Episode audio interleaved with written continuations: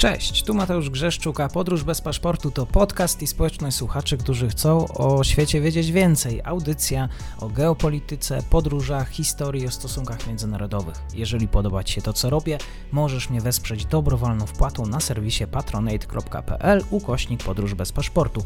Serdecznie za to dziękuję, bo właśnie dzięki temu mam szansę rozwijać to miejsce. Obserwuj, polub i udostępniaj dalej. Zapinamy pasy, czas na kolejny odcinek podróży.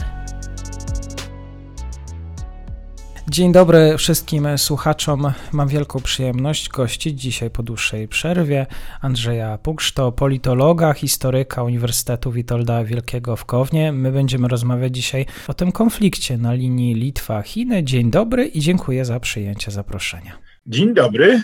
Jakiś czas temu wszyscy przypatrywaliśmy się e, temu, no, że Chiny odwołały swojego ambasadora na Litwie, zażądały też od władz litewskich, by wycofały swojego przedstawiciela w Pekinie. To była taka reakcja na zezwolenie na otwarcie na Litwie przedstawicielstwa e, Tajwanu. Jak wyglądają dzisiaj te relacje na linii Litwa-Chiny? Czy ten konflikt nieco został już ostudzony? No, konflikt nie został ostudzony.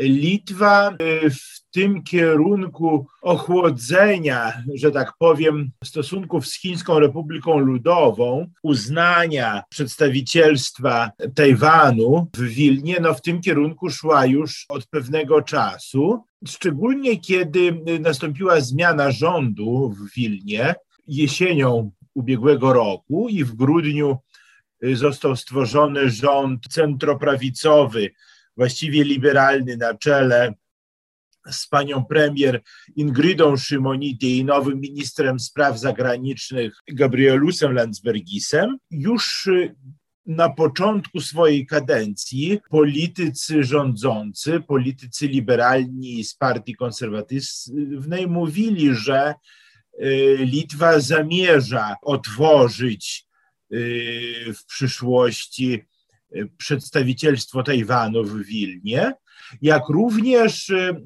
zamierza wycofać się z formuły 17 plus 1, co i nastąpiło później wiosną y, bieżącego roku. To już wówczas był taki sygnał, że wycofuje się w odróżnieniu od innych krajów Europy Środkowo-Wschodniej z tego formatu współpracy Y, z Chinami. No i oczywiście też spotkania na szczeblu oficjalnym z przedstawicielami Tajwanu coraz to przypominały o y, no, pewnej konsekwencji w litewskiej polityce zagranicznej. Kończyło się to na tym, że został odwołany ambasador Chińskiej Republiki Ludowej z Wilna, no i co za tym później nastąpiło, to y, y, strona litewska oczywiście odpowiedziała tym samym i po pewnym czasie y, została też odwołana ambasadorka Republiki Litewskiej z Pekinu. A jak to się właściwie odbiło na chińskim biznesie działającym na Litwie? Czy tutaj też e, można mówić o jakimś odpływie, czy w zamian e, za Chińczyków przyszli Tajwańczycy? To znaczy, ja myślę, że jeszcze zbyt mało czasu przeszło żeby tutaj moglibyśmy z kalkulatorem wyliczyć y, jakby no, y, cienie i profity tej decyzji. No, to dopiero, dopiero chyba się okaże pod koniec roku. Oczywiście, że ten status quo nie będzie zachowany. Oczywiście, że Chińczycy tutaj zareagują, już zareagowali. Y, ucięciem tych y, relacji z Litwą. Proszę pamiętać, że y, tutaj oprócz, że tak powiem, takich no, tradycyjnych dróg współpracy, no Chiny też korzystały połączeń kolejowych do, do w Kłajpedzie. To zresztą chyba ta formuła jest, chociaż nie jestem specjalistą wielkich od Chin, no bardziej tutaj mówię w kontekście litewskim, ale wydaje mi się, że to jest taka formuła często spotykana, że, że Chiny korzystają z infrastruktury transportowej, szczególnie, szczególnie z sportów nad, nad Morzem Bałtyckim. Jedynie tylko co się y, przemknęło do, do, do mediów, że Tajwańczycy bardzo optymistycznie przyjęli, po pierwsze usłyszeli te decyzje litewskie i o tym było sporo w, w różnych mediach tajwańskich, jak również y, ostatnio jest wielki skok y, w sprzedaży elektronicznej litewskich towarów w Tajwanie. Także no, tutaj no, ten, ten krok Litwy został w Tajwanie no, mocno zauważony i, że tak powiem, no i w miarę entuzjastycznie przyjęty. Natomiast jaki będzie bilans tego kroku politycznego, bilans ekonomiczny, bilans handlowy, no dopiero, dopiero się okaże. Politycy rządzący no bo tutaj pomimo, że, że to jest teraz koalicja trzech partii, w kontekście mm, uznania Tajwanu jakby no była jednomyślność tych partii rządzących, co nie znaczy, że to nie było mocno krytykowane przez przedstawicieli opozycji. Rządzący politycy zrobili swoje pewne kalkulacje i podliczyli, że jednak e, te kontakty z, e, z Chinami, te profity no nie były aż tak wielkie i że nie w sposób tą współpracę ekonomiczną z Chinami zamienić, zamienić innymi y, formami współpracy z innymi krajami.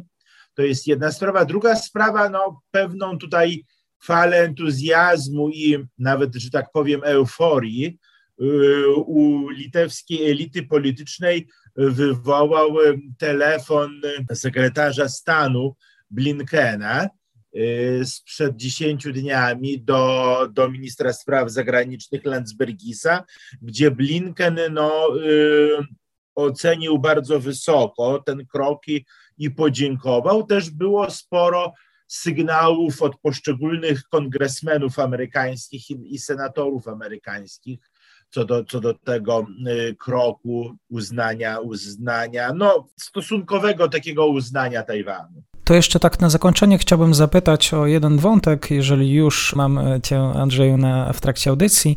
Chodzi o ćwiczenia Zapad 2021. Jak na ten wątek patrzą Litwini? Czy w pewien sposób e, jest jakaś powszechna mobilizacja przy granicy?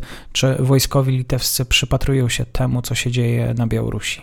Oczywiście, że wojskowi litewscy przypatrują się, co się dzieje na Białorusi. Przypatrują się chyba od dłuższego już czasu, a przynajmniej od tego czasu, kiedy Łukaszenka zaczął dowozić do granicy migrantów, którzy przylatują do Mińsku samolotami z Iraku. No, y, Litwa zawsze stawiała na bliską współpracę z NATO i tutaj, jeśli się przyjrzymy, jak działa Ministerstwo Obrony, ile też tutaj była na Litwie ostatnio różnych ćwiczeń, między innymi też no, w, kontekście współpracy wojskowej polsko-litewskiej. Naprawdę y, ostatnio tu dużo, dużo się działo, y, ale to no oczywiście, że Litwa tutaj nie może inaczej działać jak poprzez bliską współpracę z NATO, poszczególnymi, że tak powiem, przedstawicielami poszczególnych krajów. Yy, I, i no, no, no tak to działa. Że znaczy, oczywiście, że jak, jak się jedzie przez, yy, przez te yy, miejscowości mniejsze, większe, tam niczego szczególnego gołym okiem się nie da zauważyć. No proszę też pamiętać, że w linii prostej, no z Wilna raptem do granicy tewsko-białoruskiej e, jest raptem 30 kilometrów. Także no tutaj cały czas jakby zdajemy sobie sprawę, że mamy za miedzą, mamy, mamy, mamy Białoruś, w ścisłym sojuszu z Kremlem. W mass mediach za wiele tutaj informacji nie znajdziemy, ale minister obrony narodowej zapewnia, że resort pracuje w tym kierunku i ma, i ma oczywiście na uwadze te, te, te ćwiczenia Zapad. Trochę ze zdumieniem był przyjęty artykuł frontowy w dzienniku Gazecie Prawnej, który się ukazał bodajże przed tygodniem, gdzie dziennik Gazeta Prawna no wręcz już sugerowała, że lada dzień mamy czekać no, wkroczenie właśnie wojsk białorusko-rosyjskich na teren Litwy. Na razie, na razie odpukać niczego takiego no, nie miało miejsca, ani żadna jakaś większa prowokacja na, na, na, na granicy. Mhm. Mówiąc w kontekście, w kontekście ćwiczeń Zapad, bo oczywiście ten potok migrantów y, nadal, nadal każdego dnia y, jest, jest dostarczany na, na, na, na litewsko-białoruską granicę. Bardzo dziękuję w takim razie za tę opowieść z Litwy o Zapad 2021, o tych relacjach chińsko-litewskich mówił Andrzej Pukszto, politolog, historyk Uniwersytetu Witolda Wielkiego w Kownie. Bardzo dziękuję za nasze spotkanie. Dziękuję i do następnych spotkań.